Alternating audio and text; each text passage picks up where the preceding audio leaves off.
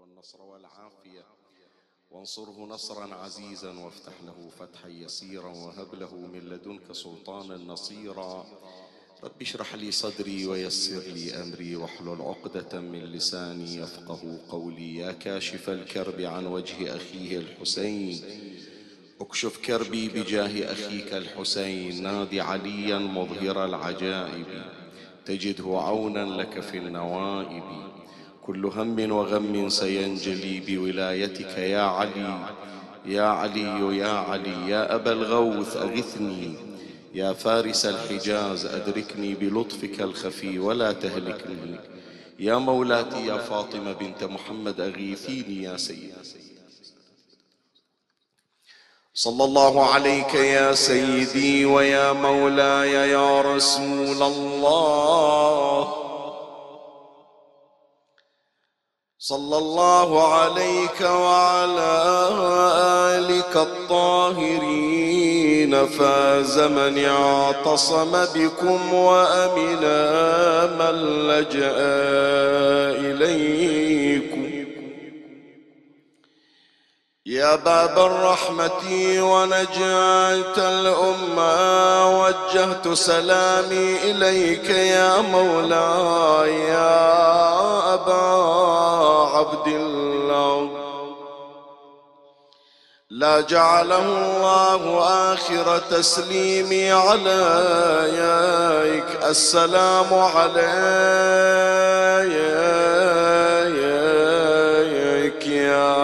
أبا عبد الله.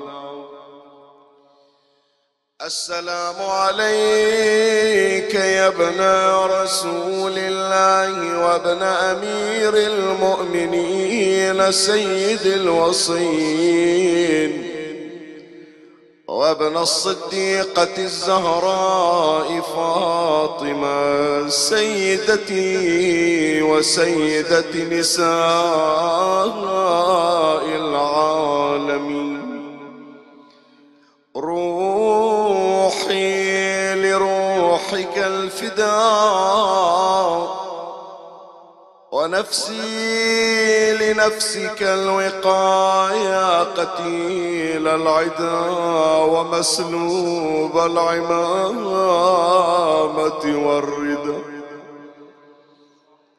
ليس الغريب ليس الغريب غريب الدار والوطن.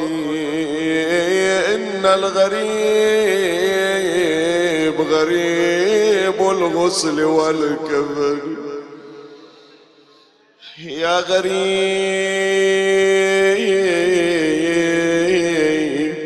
يا مظلوم كربلاء يا ليتنا كنا معكم سادتي. فنفوز فوزا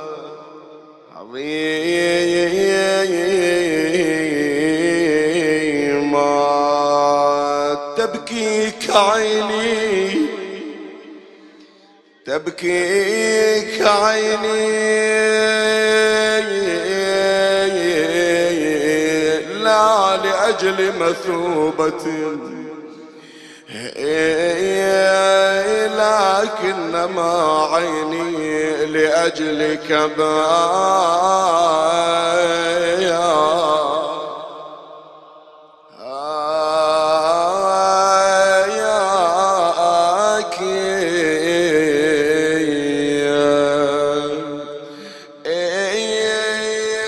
تبتل منكم كربلاء. تبتل مني بالدموع الجارية وفجايع الأيام تبقى مدة وتزول وهي إلى القيامة بايا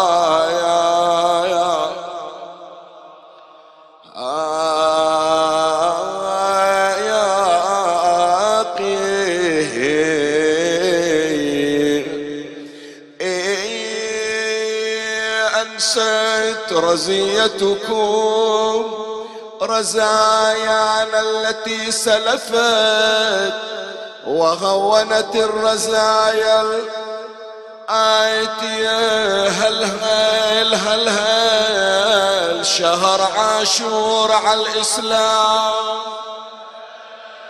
هل هل هل هل ودمع زينب على الخدين هل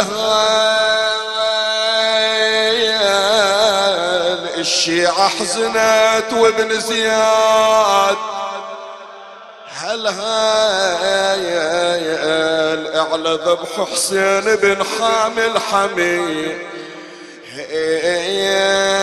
يعلى ذبح حسين بن حامي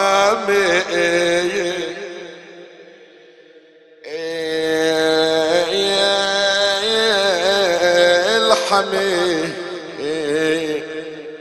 أيام النياحة أيام العويل أيام الصيحة. أول يوم من محرم صاحت الملائكة مع صيحة فاطمة. وكلكم تحفظون مات كل فرض يا حسين. ما تام ما تام وحق قلبك ما تام ما تام إلك بقلوبنا يا حسين. مات مات يا من نوح عليك كل صبح ومسيء. نوح عليك كل صبح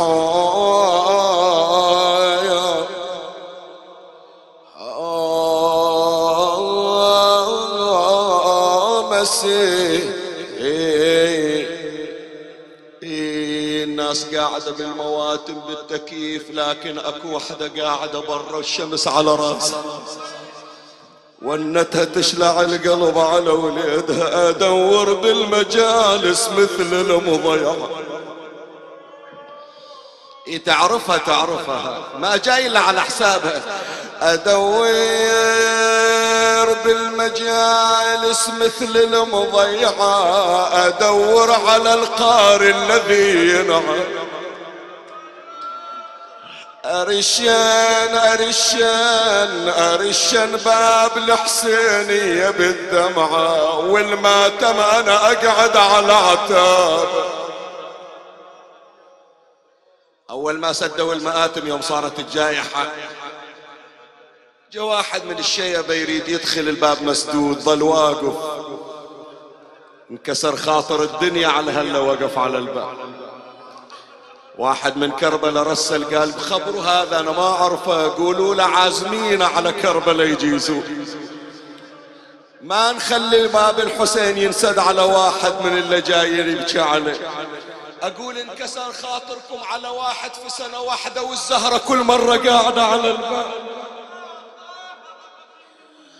أدور في المجالس مثل المضيعة أدور على القاري الذي ينعال ارشن باب الحسينية بالدمعة والماتم أنا أقعد على عتب وين مولاتي؟ وين صايرة انتي؟ خليني أعزيك.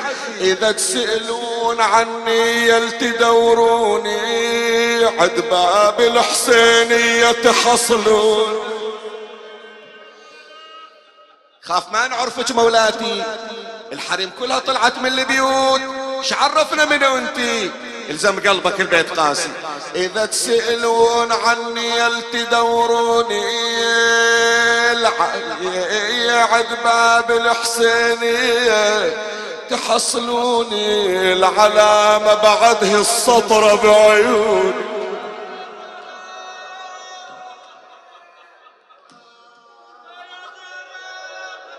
وقايل لك البيت قاسي وقايل لك البيت يوجع قلبك. شلون أعرف أكمل لك بعد؟ إذا تسألون عني يلتدوروني عد باب الحسينية تحصلوني. شيل راسك طالعني إيش أسوي؟ العلامة بعد هالسطرة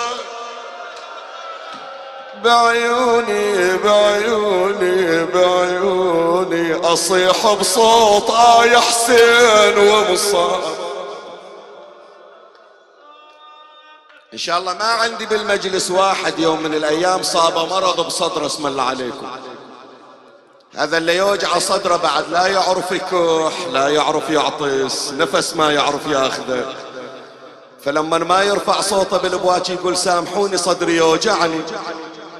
وهو مريض ياخذ حبايتين يوم ثاني يطيب. زين الا مسمار بصدرها.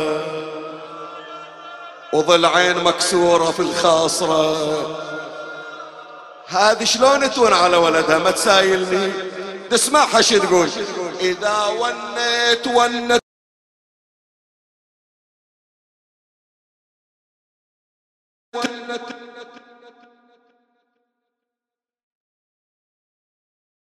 والله من إيدك هذا المجلس مو من كيفي أنا.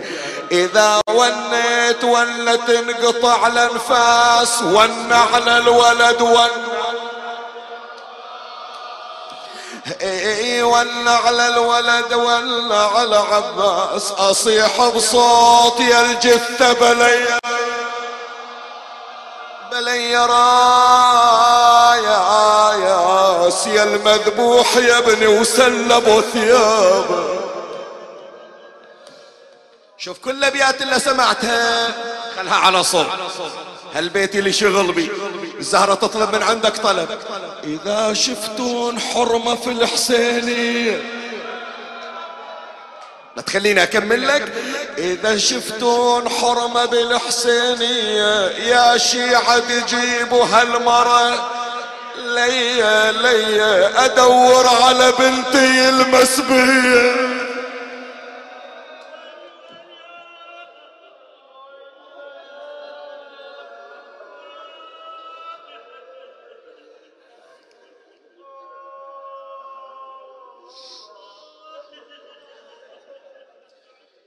لله وإنا إليه راجعون.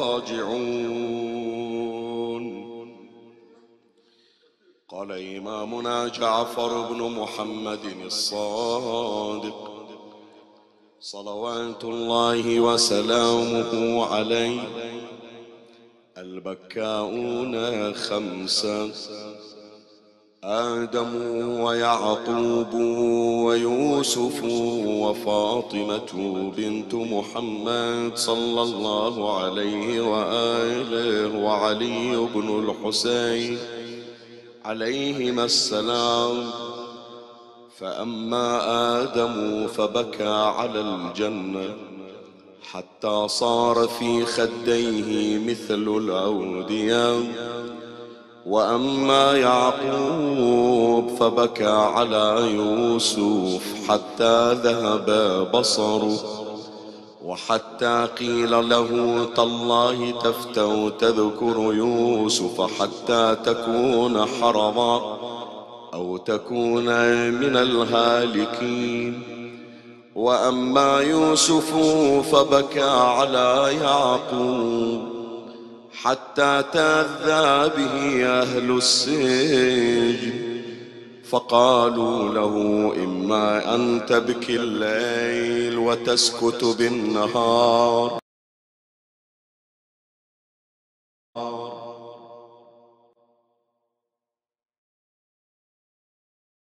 واحدة منهما.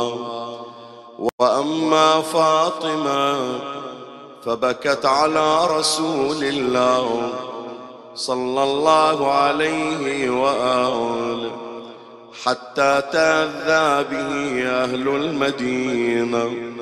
فقالوا لها قد آذيتينا بكثرة بكائك. فكانت تخرج إلى المقابر. مقابر مقابر الشهداء. فتب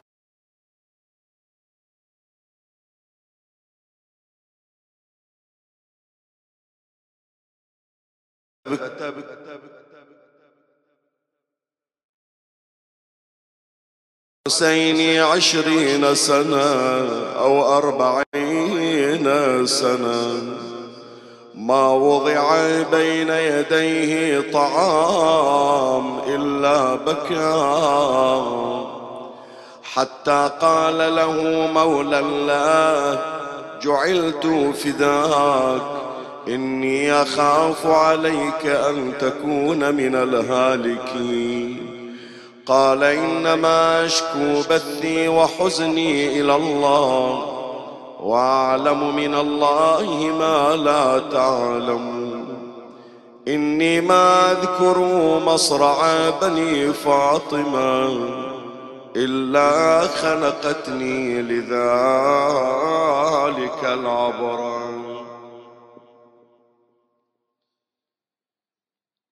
في هذا العام وأسأل الله تبارك وتعالى يوفقنا وإياكم أن نكون من الباكين على الإمام الحسين عليه السلام ومن الشيعة الذين بشر بهم رسول الله صلى الله عليه وآله بأنهم هم الذين سيضعون على عواتقهم مهمة إحياء مواسم عاشوراء على الإمام الحسين صلوات الله عليه. أسأل الله تبارك وتعالى أن يوفقنا وإياكم لأن نكون ممن أحيا هذه الشعيرة ورزقه الله الدمع على الحسين أنا أدعو لكل أبنائي إخواني أحبائي خصوصا الذين تمر عليهم بعض الحالات يشتكون من خلالها جفاف الدمع. أكو البعض هذا سريعا أريد أقولها هالكلمة وأنا في مطلع هذا الموسم. أحيانا البعض يوفق للبكاء من أول ليلة ثاني ليلة ثالث ليلة ويدخر بكاء أشد في أيام معدودة مثل يوم أبي الفضل العباس عليه السلام أو ليلة العاشر من المحرم أو يوم العاشر. لعارض من العوارض يحرم من البكاء في اليوم السابع فيكون ذلك اليوم يوم مصيبة. البعض الآخر في بداية الموسم يعني مثل اليوم ومثل البارحة يقول شيخنا الكل يبكي إلا أنا وخايف أنه يجي يوم السابع أو يوم العاشر ولا أكون من الباكين على الحسين. فيلتمسون الدعاء أنا أسأل الله تبارك وتعالى بحرمة مولاتي فاطمة صلوات الله عليها. وبمقام مولاي الحجة بن الحسن عجل الله فرجه الشريف أن يعيننا لنكون من الباكين على الحسين. مو مجرد الباكين ولا مجرد الجازعين وإنما أرجو أن يكون هذا الموسم أكثر موسم مميزا وامتيازا في حياتنا بكاء على قد بكينا في أيام سابقة؟ أريد هذا السنة الله تبارك وتعالى يقول أريد, هذه السنة بالذات تكون مميزة في حياتنا بحيث نقول أن هالسنة ما بكينا مثلها على الإمام الحسين عليه السلام. وتصير منطلق إلى سنوات أكثر تفاعلا وأكثر بكاء وأكثر هياجا وأكثر جزعا على سادتنا محمد وآل محمد صلوات الله عليهم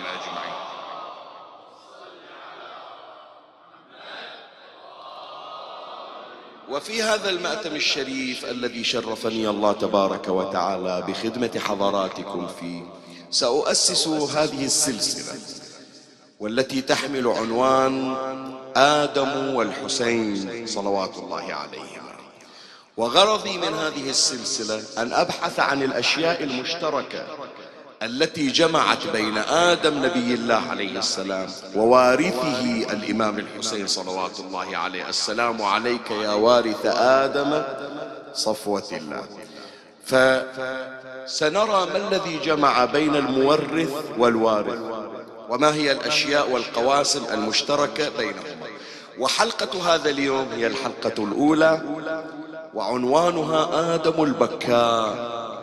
مر علينا بالرواية الإمام الصادق عليه السلام يقول أن البكائين خمسة وفي طليعتهم آدم وكان بكاؤه على الجنة وسنتعرف في هذا المجلس الشريف. وفي هذا البحث وهذه الحلقة أن بكاء آدم على الجنة كان بكاء على الإمام الحسين عليه السلام. وهذا إذا عرفنا سر بكاء آدم. إن شاء الله حديث هذه الليلة يحتوي على مطلبين أمر عليهما إن شاء الله بالتسلسل والتتابع. ومن الله أستمد العون والتوفيق. ومن مولاي أبي الفضل العباس المدد وألتمس منكم الدعاء. وثلاثا بأعلى الأصوات صلوا على محمد وآل محمد.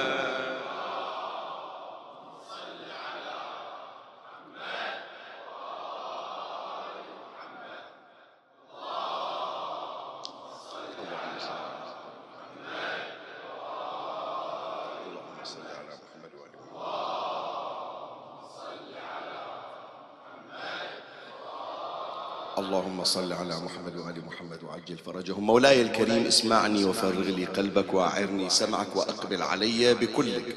أخبرتك بأن بحث هذا اليوم يحتوي على مطلبين أما المطلب الأول سوف نتحدث فيه عن سر بكاء. قد واحد يقول لشيخنا ما داعي إحنا نبحث عن أسرار. بعد خلاص إذا هو سر أو أحجي الإمام الصادق عليه السلام حل السر. قال بأن آدم بكى على الجنة.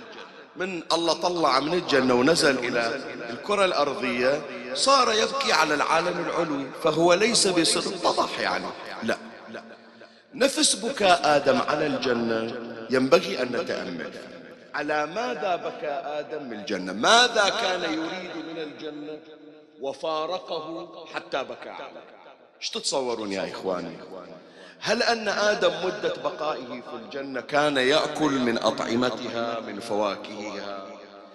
ولما نزل إلى دار الدنيا اشتاق إلى ذلك الطعام وإلى ذلك النعيم الذي كان يعيش فيه. فلهذا يبكي على فواكه الجنة مثلا على لحومها مثلا. هل هو هذا الآن؟ لا هذا مو هذا. وإن كان ترى الإنسان إذا طمع في نعيم الجنة يعني طمع في رضا الله تبارك وتعالى. أنت لما تقول أسأل الله الجنة وأنا شلون أدخل الجنة؟ مفتاح الجنة شنو؟ رضا الله تبارك وتعالى. فأنا يعني أطلب الجنة يعني أطلب رضا الله تبارك وتعالى. بس حينما نقول بأن آدم بكى على الجنة لا يتصور أحد بأن آدم كان يبكي.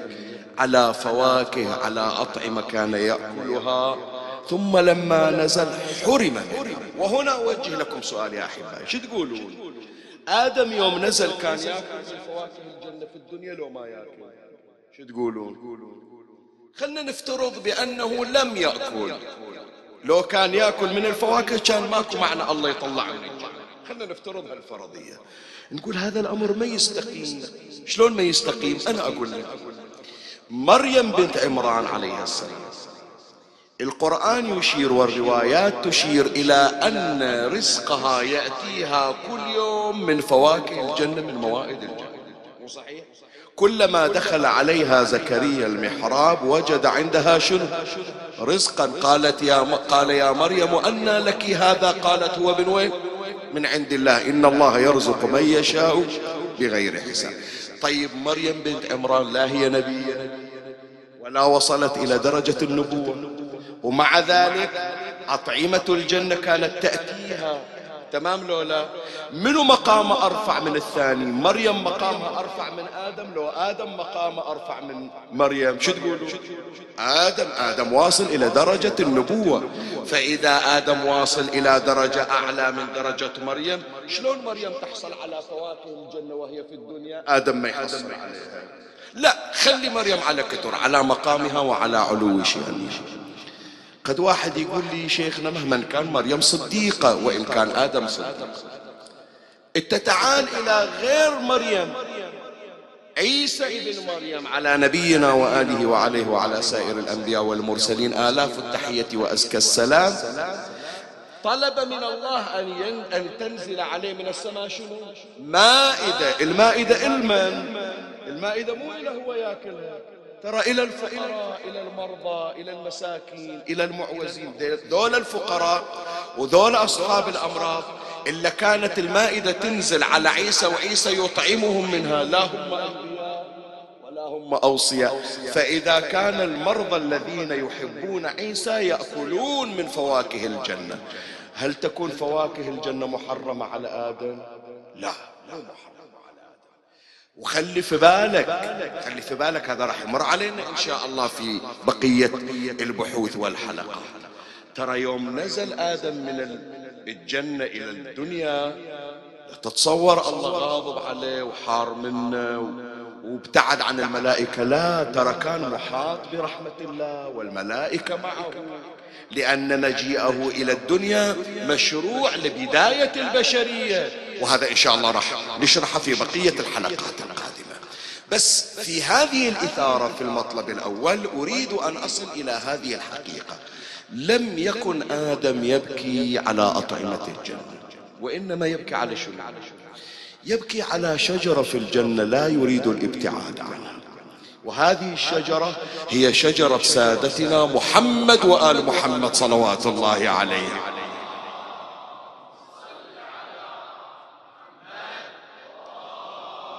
فالله تبارك وتعالى وهذا إلها حلقة مستقلة راح نحكي عن هذه الشجرة. الله عز وجل خلق في الجنة شجرة خاصة بعلوم أهل البيت. وتحمل أسماء أهل البيت صلوات الله عليهم. ولما رأى آدم تلك الشجرة تعشقها أمره الله تبارك وتعالى أن لا يقترب من تلك الشجرة. يعني لا تصل إلى تلك الشجرة لأنها شجرة خاصة بهم. لا يحق لأي أحد حتى ولو وصل إلى درجة النبوة أن يصل إلى مقام تلك الشجرة. هو لا من حبه من عشقه توصل إلى تلك الشجرة. فلما أخرج من الجنة ظل يحن إلى تلك الشجرة التي تحمل أنوار أهل البيت عليه السلام. خلي أقرأ لك مجموعة من الروايات التي تشير إلى الشجرة التي كانت في الجنة والتي كان يحن آدم إلى الرجوع إليها. مثلا من هذه الروايات رواية عن الإمام العسكري صلوات الله وسلامه عليه يذكرها العلامة المجلسي في بحار الأنوار الجزء الثامن صفحة 179 قال الإمام العسكري عليه السلام في قوله تعالى ولا تقربا هذه الشجرة قال الإمام العسكري هي شجرة تميزت بين أشجار الجنة. يعني ماكو شجرة بالجنة مثل هذه الشجرة. إن سائر أشجار الجنة كان كل نوع منها يحمل نوعا من الثمار والمأكول. شجرة مثلا للتفاح شجرة مثلا للسفرجة لنوع واحد. والمأكول وكانت هذه الشجرة وجنسها تحمل البر والعنب والتين والعناب وسائر أنواع الفواكه والثمار والأطعمة. فإذا كل نعيم الجنة مجموع بأي شجرة؟ بهذه الشجرة. تجي رواية ثانية عن الإمام العسكري عليه السلام. قال ولا تقربا هذه الشجرة شجرة العلم علم محمد وآل محمد صلوات الله عليهم.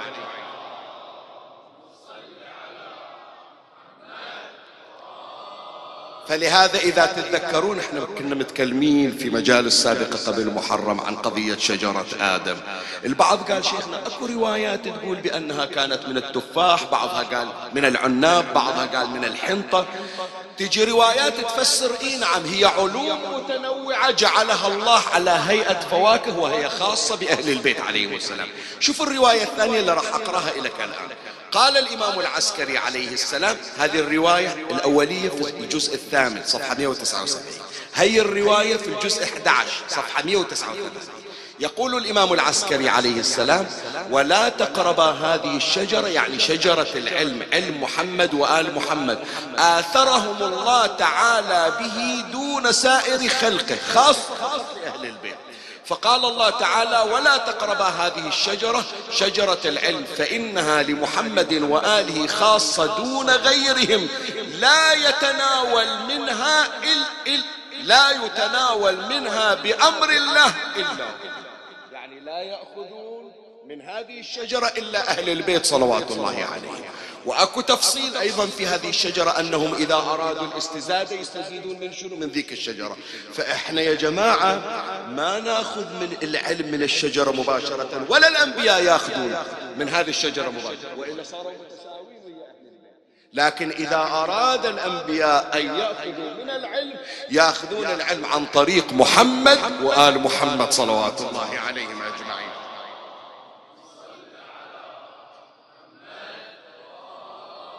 نجي الآن إلى الرواية الثالثة اللي توضح الروايتين السابقتين الرواية الثالثة عن الإمام الصادق عليه السلام. في بحار الأنوار أيضا جزء 26 صفحة 322 قال الإمام جعفر الصادق عليه السلام فلما أراد الله أن يتوب عليهما على منو؟ على آدم ومنو بعد؟ وعلى حواء. فلما أراد الله أن يتوب عليهما جاءهما جبرائيل فقال لهما إنكما ظلمتما أنفسكما. شوف لما واحد أتذكر لما طرحت هذه القضية إجا البعض قال إذا هي شجرة محمد وآل محمد ولا هي شجرة تفاح إذا القرب من الشجرة المفروض مو معصية إحنا نتقرب لهم لولا. فإذا آدم شلون؟ فعصى آدم وعصى آدم ربه فغوى. شوف التفسير في هذا. أنت مسموح لك تتوسل بالشجرة. لكن لك حدود خاصة لا وتجي روايات يا إخواني أيضا تحذرنا مثل ما حذرت آدم. لا تتقدموهم فتهلكوا ولا تتأخروا عنهم فتهلكوا نفس القضية بالنسبة لآدم. لا تقول ما راح آخذ من هذه الشجرة آخذ من أشجار ثانية وهالشجرة أتركها. لا لازم تأخذ علمك من هذه الشجرة. لكن لك حد مسموح. أكثر من هذا تتقدم يعني تنازعهم في منزلتهم وهي منزلة خاصة. شوف الآن معنى اللي أذكره لك الآن.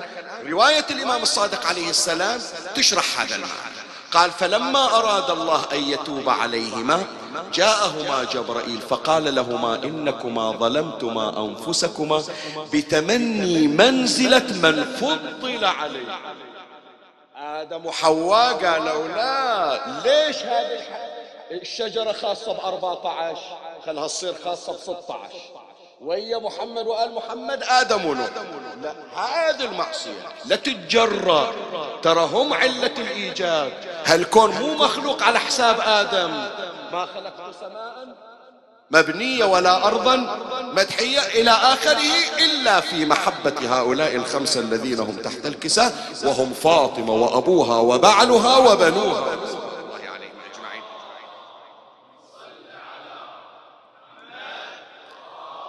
فقال لهما إنكما ظلمتما أنفسكما بتمني منزلة بتمني منزلة من فضل عليكما.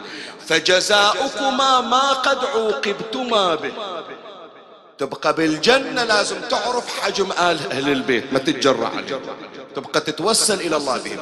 تريد تأخذ منزلتهم تطلع من الجنة. فعوقبتما بتمن فعوقبتما به من الهبوط من جوار الله عز وجل إلى أرض. فاسألا ربكما بحق الحسن يعني لا تقول بأن خير هذه الشجرة اللي بالجنة انقطع عنك. اتوسل إلى الله أصحاب الشجرة. شوف الله يتوب عليك لو ما فقال فاسأل الله فاسألا ربكما بحق الأسماء التي رأيتموها على ساق العرش حتى يتوب عليكما. فقال اللهم إنا نسألك بحق الأكرمين عليك محمد وعلي وفاطمة والحسن والحسين والأئمة إلا تبت علينا ورحمتنا فتاب الله عليهما إنه هو التواب الرحيم. فلم تزل الأم فلم تزل أنبياء الله بعد ذلك يحفظون هذه الأمانة ويخبرون بها أوصياءهم والمخلصين من أممهم. يعني من إجوا الأنبياء وراء آدم يقولون ترى أبونا طلع من الجنة لأنه ظن أنه يقدر يوصل إلى شجرة أهل البيت. المطلوب من عندنا أنه فقط نتوسل بهم ما نتجرأ ونوصل إلى مقامهم فصاروا الأنبياء يعرفون مقامات أهل البيت من وراء قضية آدم. آدم لما نزل إلى الجنه إلى الأرض. والرواية اللي ذكرناها في صدر المجلس ظل يبكي. وينتحر. ومثل ما أشار الإمام قال حتى صار على خديه مثل الأودية يعني تشققت. شلون هذا النهر لما يجي تشوف الأرض منشقة؟ خده الشكل صار من زود الدود شي يريد يا جماعة؟ آدم شي يريد؟ يريد يرجع للجنة ليش؟ حتى ياكل فواكه وياكل لحوم وغير لا. يريد ذيك الشجرة إلا كان كل يوم يجي صوبها مأنوس بيها وانحرم من عندها يريد يرجع إليها. ما يريد ينحرم من عندها. ولهذا ظل يبكي. أقرأ هاي الرواية حتى أختم هالمطلب. وهي من أجمل الروايات. وتحسسنا يا جماعة قيمة العشق إلى أهل البيت. الرواية يذكرها الإمام الصادق عليه السلام في بحار الأنوار الجزء 11 صفحة 175 تتعجب أنت. آدم كم سنة بكى يا جماعة؟ تتصورون كم سنة؟ يوم يومين أسبوع سنة عشر سنين. شوف الإمام الصادق شي خبر. قال لقد طاف آدم عليه السلام بالبيت مئة عام. مئة سنة. ما يوقف. لقد طاف آدم عليه السلام بالبيت مئة عام. ما ينظر إلى حواء. الله أكبر. محرم يعني. غير إحنا عندنا بالإحرام أنه لا تحل له زوجته إلا بعد الإحلال. هو محرم مية سنة. يقول شلون أتهنى أخلي راسي ويا راس مرتي؟ وأنا الله حار مني من مجاورة أهل البيت. هي الدنيا تسوى دنيا من غير أهل البيت. فلهذا شو هذا الولاء الحقيقي. عرفت ليش أنا مختار لك هذه السلسلة؟ حتى هي الجوانب الولائية. قال لقد طاف آدم عليه السلام بالبيت مئة عام. ما ينظر إلى حواء. ولقد بكى على الجنة الجنة اللي فيها الشجرة اللي حكينا عنها. ولقد بكى على الجنة حتى صار على خديه مثل النهر العجاجين العظيمين من الدموع. ولقد قام على باب الكعبة. ثيابه جلود الإبل والبقر. فقال اللهم أقلني عثرتي رجعني يا ربي لا تحرمني من ذيك الشجرة اللي كل يوم أصبح وأمس أشوف. يعني حياتي من غير شجرة أهل البيت لا قيمة لها أمر اللهم أقلني عثرتي واغفر لي ذنبي وأعدني إلى الدار التي أخرجتني منها. مئة سنة مئة سنة وهو يطلب من الله يرجع إلى ذيك الشجرة شجرة أهل البيت. يقول الإمام الصادق عليه السلام فقال الله عز وجل قد أقلت عثرتك وغفرت لك ذنبك وسأعيدك إلى الدار التي أخرجت. شوف أنا أريدك تعرف مقامهم وأريدك تحن إلهم ولا تتجرع عليهم. ومئة سنة واقف تتوسل تريد بس ترجع لهم إلا أرجع. شو تقولون يا جماعة؟ أسئلك أريد من عندك جواب. رجع لو ما رجع. شو تقولون رجع. شنو الدليل؟ السلام عليك وعلى ضجيعيك آدم ونوح. إجال نوح بالطوفان. وهو مدفون بمكة راح يمر علينا إن شاء الله في الحلقات. قال لي يا أبويا شقد حنيت ترجع لهم؟ والله لا أوديك. وشال ونقل بالسفينة وطلع من مكة ووداه إلى النجف. ونزل بالقبر وخلاه ينتظر ينزلون جنازة حلال المشاكل علي. من هنا أقول يا إخواني حتى أختم هذا المطلب. بس أنا أقول يا جماعة من درس آدم شوف مجرد تمني. يعني هو تمنى أنه يوصل إليه. الله غضب عليه وباعده. ومئة سنة وهو نبي. يريد بس يرجع. أولادي إخواني. لا يصدر من عندنا دم يطردنا عن ماتم الحسين. آدم مئة سنة مئة سنة ذنب واحد. وهو ليس بذنب. يقولون ترك أولى العلماء يقولون ترك أولى كان لا ينبغي له ذلك. مو معصية مثل اللي إحنا نسويها. مو كبائر نستحق عليها النار. آدم ما يستحق النار على اللي سواه حاشا مولاه لكن هذا الذنب خلاه مئة سنة يبكي تجرح خده من الدموع. يا الله رجعه. عمي تقدر انت يوم واحد تحرم من الماتم؟ سؤال أسأل رد عليه. هذه عشرة أيام. تقدر يوم واحد يقول لك اليوم الحسين لا تطب عند الحسيني ما أقول لك سابع ما أقول لك تاسع حتى لو ثاني وثالث ما بيها مصرع. تقدر يمر عليك يوم ويقول لك الحسين اليوم ما أريدك لا تجينا بشرفك إنت تقول لي اللي رايح كربلاء أحكي وياك. يوم اللي توك جاي وتريد تدخل إلى حرم الحسين يقول لك سامحنا اليوم سادين الحضرة نريد ننظف. تقدر تتصور روحك واقف على الباب ما يدخلونك على الحسين. الظل واقف تقول فندق ما أرجع. أول ابوس شباك حبيبي يا الله ذيك الساعة أرتاح. فيا أحبائي لا يصدر منا ذنب يطردنا عن شجرة الحسين. هذا درس من آدم. الله وفقك. حسين باب الرحمة. أنت قاعد بمجلس الحسين بروضة الحسين بجنة الحسين تحت ظلال شجرة الحسين. لكن إذا عندك ذنب من الآن اعقد النية على أن تطهر قلبك من الذنوب حتى لا تطرد. ولا تبعد ولا تبقى باكيا تريد الرجوع كما بكى آدم على ذلك. بذلك أكون قد أنهيت المطلب الأول. خلنا نيجي إلى المطلب الثاني وهو الأخير وبه ختام المجلس. عرفنا يا إخواني بأن آدم لما بكى على الجنة يبكي على الشجرة التي في الجنة. والشجرة شجرة محمد وآل محمد. الحسين وياهم؟ وإياهم. فإذا آدم بكى على منو؟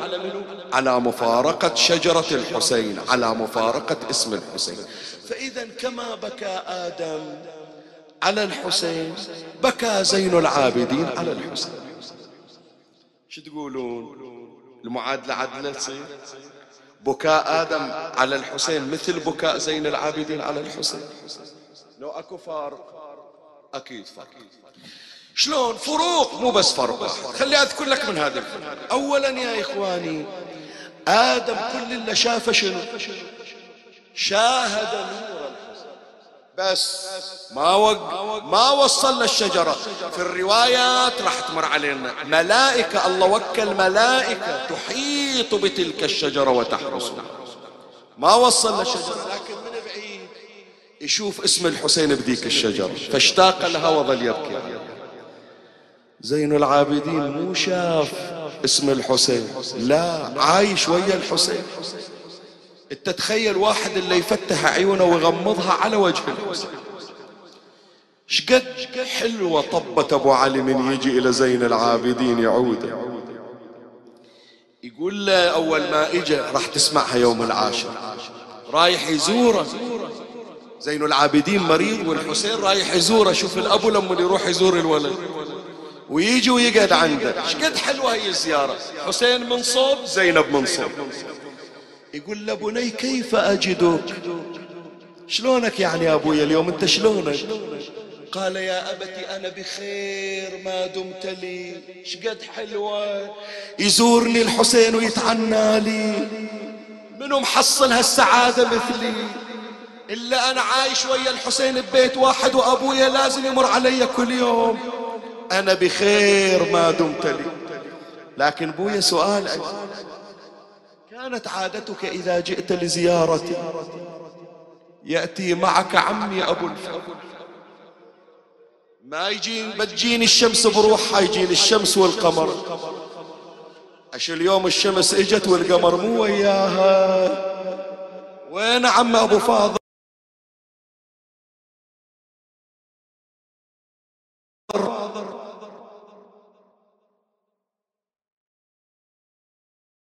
وزين العابدين أن آدم بكى على مشاهدة النور وزين العابدين بكى على معايشة عايش ويا النور مو بس شايف هذا واحد من الفروقات التي تجعل بكاء زين العابدين على الحسين أكثر من بكاء آدم على الحسين.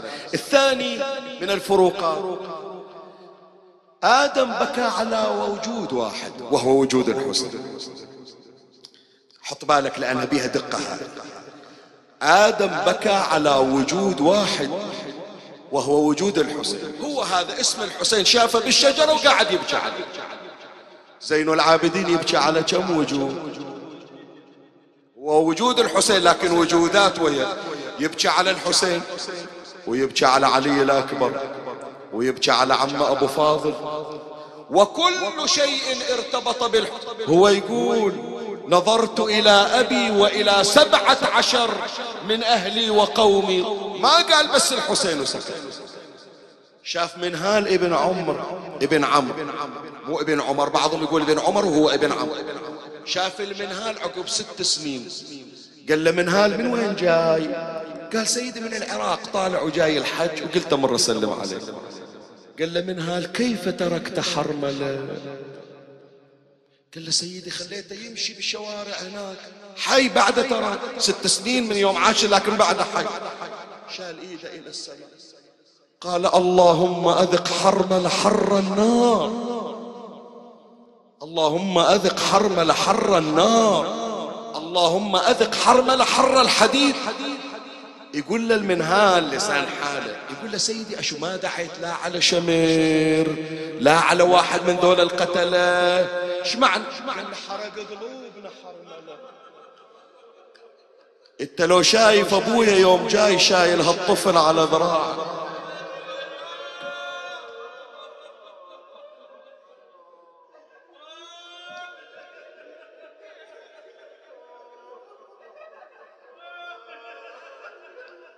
خليها خليها.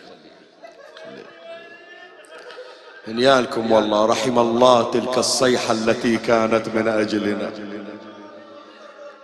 قلتها البارحة وأقولها اليوم اسمعني. قلتها البارحة وأقولها اليوم. السنة غير عمي السنة غير. السنة ما أدري منو حاضر ويانا بالماتم ما أدري. انتو بنفسكم شفتوا مو بس من البارحة من قبلها. المجلس بروحه يشتغل في البكاء. ما أدري صاحب الزمان ويانا الزهرة ويانا. رقية ما حصلت تبكي على أبوها بالخرابة جاية تبكي ويانا. ما شوف هالتفاعل والهيجان. أنا جاي أرصده في كل المجالس مو بس عند مجالس شيخ ياسين. وإنت لازم تلاحظه. السنة غير عمي. السنة تعويض عن ثلاث سنين انحرمنا من المواتم. السنة الصيحة تترجاها فاطمة. السنة من قلبنا تطلع صيحة يا حسين.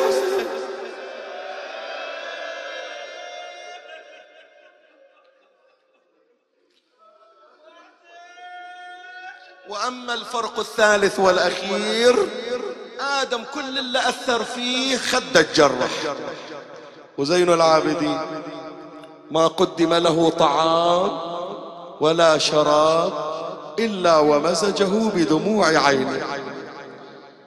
يجي له أبو حمزة الثمالي وفي رواية عن الإمام الصادق أن مولا من موالي الإمام زين العابدين يقول له خاف عليك تموت راح الأبو ونخاف الولد يروح وياه.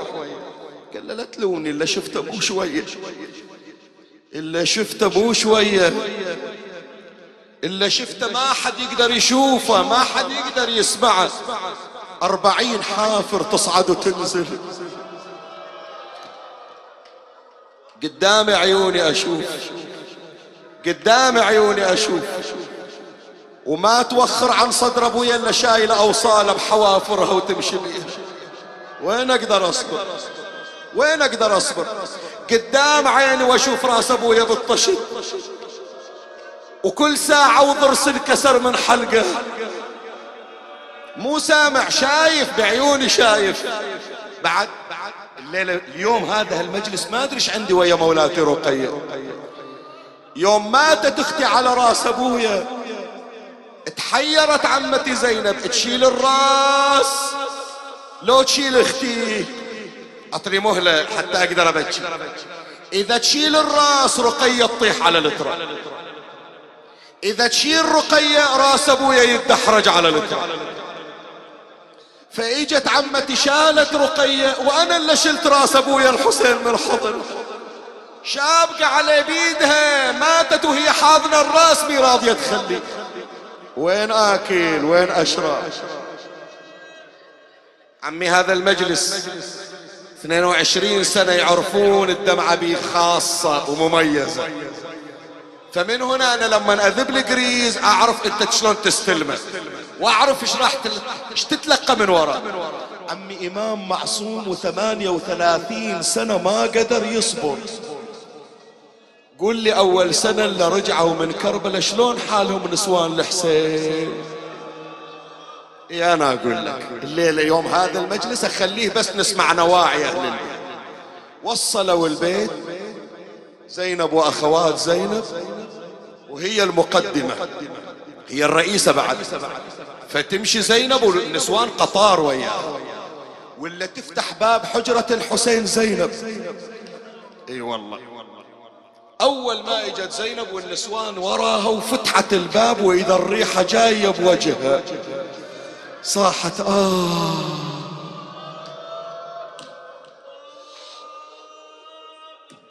فقتها هالريحة يا أبو علي فقتها تمنيت حلم وقعد بحلمي. وفزا واشوف حسين يمي.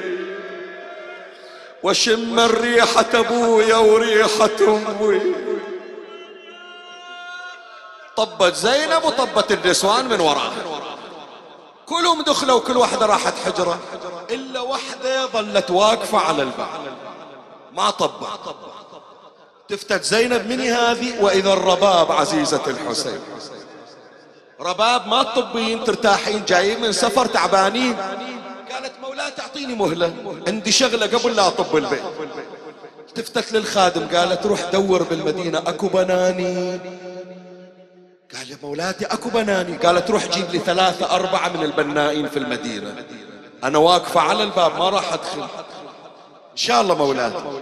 راح هذا الخادم يركض جاب ثلاثة من البنائين شايلين المعدات أهل المدينة يطالعون يقولون إيش عندهم جايين؟ خاف البيت صار قديم يحتاج صبغ يحتاج ترميم. وحرمة واقفة على الباب. وصلوا البنائين نعم سيدتنا آمر مطرشة علينا. قالت شوفوا سقف البيت. شالوا راسهم قالوا السقف صاحي ما بيشي. قالت أدري ما بيشي. هذا السقف كله تهدمونه. وخلوا البيت بلا سقف. قالوا لها ونبني سقف جديد. قالت لا خلوا البيت كله خالي. وأريد الشمس تطير داخل البيت. قالوا والحجر قال حتى الحجر كل البيت بلا سقف. قالوا يا مولاتي حتى المساجد يحطون عليها سقوف أول مرة نسمع بيت بلا سقف. قالت بيتنا بلا سقف راح يصير. إيه ليش عاد؟ شلون قاعدين بالشمس؟ قالت كيف أستظل بسقف دار ورأيت حسينا مقلوبا. تصهره الشمس بحرارته. وين يطاوعني قلبي بعد قاعد تحت سقف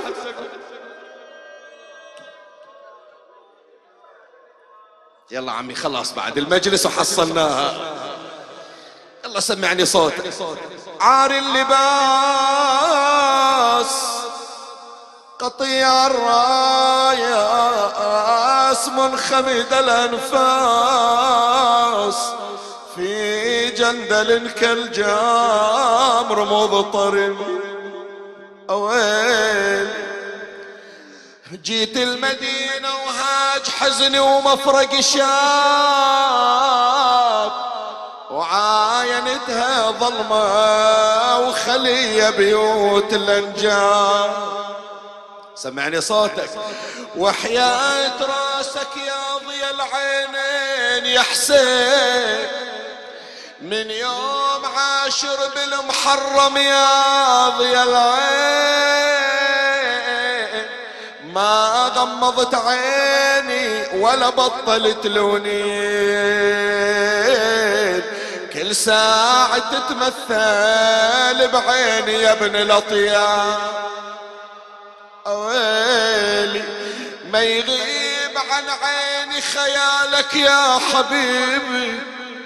يا نور عيني انقطع من وصلك نصيبي.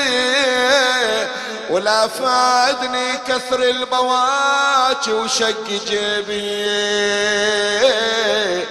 لهجر يا عز الحرام بيتي واغلق الباب. وجيها الحنونة زينب. إي ما يخالف بتقعدين بالشمس على راحتك. هالبنية الصغيرة اللي مقعدتينها وياك بتموت. دخليها دخيل الله.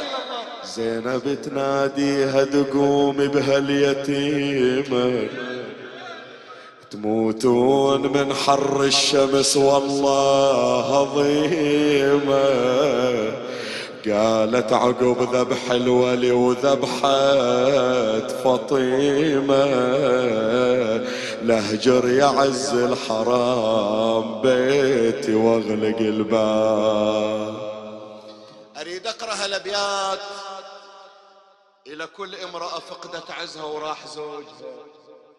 والسنة هل عليها محرم والبيت خالي من زوجها خلت تتذكر أيام العز وأيام الدلاء وتقول والله بوجودك يا أبو فلان ما واحد عال علي ولا رفع صوته علي.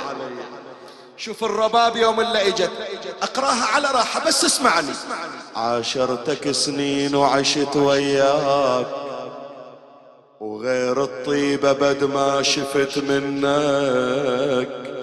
يا المعود عيوني بشوفتك ليش تريد تروح تعمي عيوني جنك أبو علي ودعت اليتامى صغار وكبار وإجيت ويا النساء لما إجنك وذبحني المستحار التختلي وياك.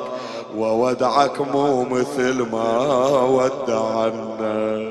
أنا مرتك أبو علي لحق اختلي بيك. ما خليتني يا حسين. إيش سويت يا رباب؟ وجيت أمشي إليك بظلمة الليل. تعطيني مهلة؟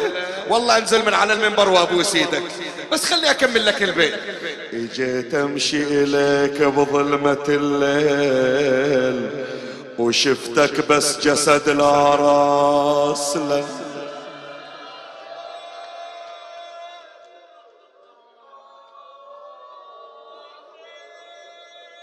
البيت اللي جاي أذي أكثر لو تعطيني المهلة. إجيت أمشي إليك بظلمة الليل وشفتك بس جسد لا راس لنك أبو علي من نحرك أريدك تحكي وياي. بعبد الله الرضيع حل فنك حسين! حسين! أنا مالوما رقية تموت عرا من نحرك أريدك تحكي وياي. بعبد الله الرضيع حل فلك. أنا مالوما رقية تموت عالراياس الشفايف يابسة ومكسور سن.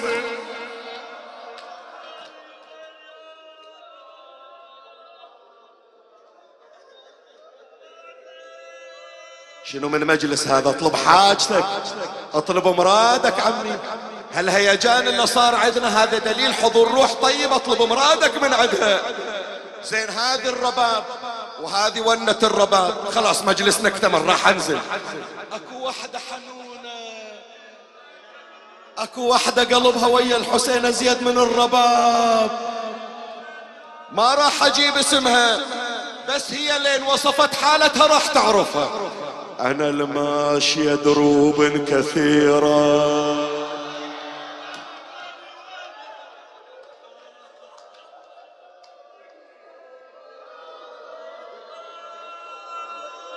ارحم روحك ارحم روحك. خلي اعرف اقرأ لك. أنا ماشية دروب الكثيرة وكل ديرة تبشر الديرة. ليش يبشرون؟ كل ديرة تبشر الديرة. أخت عباس جابوها أسير.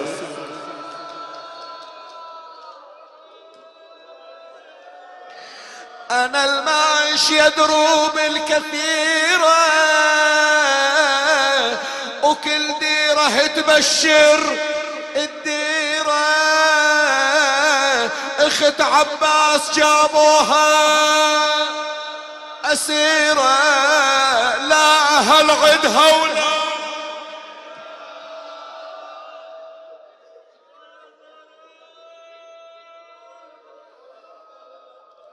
صل على محمد وآل محمد.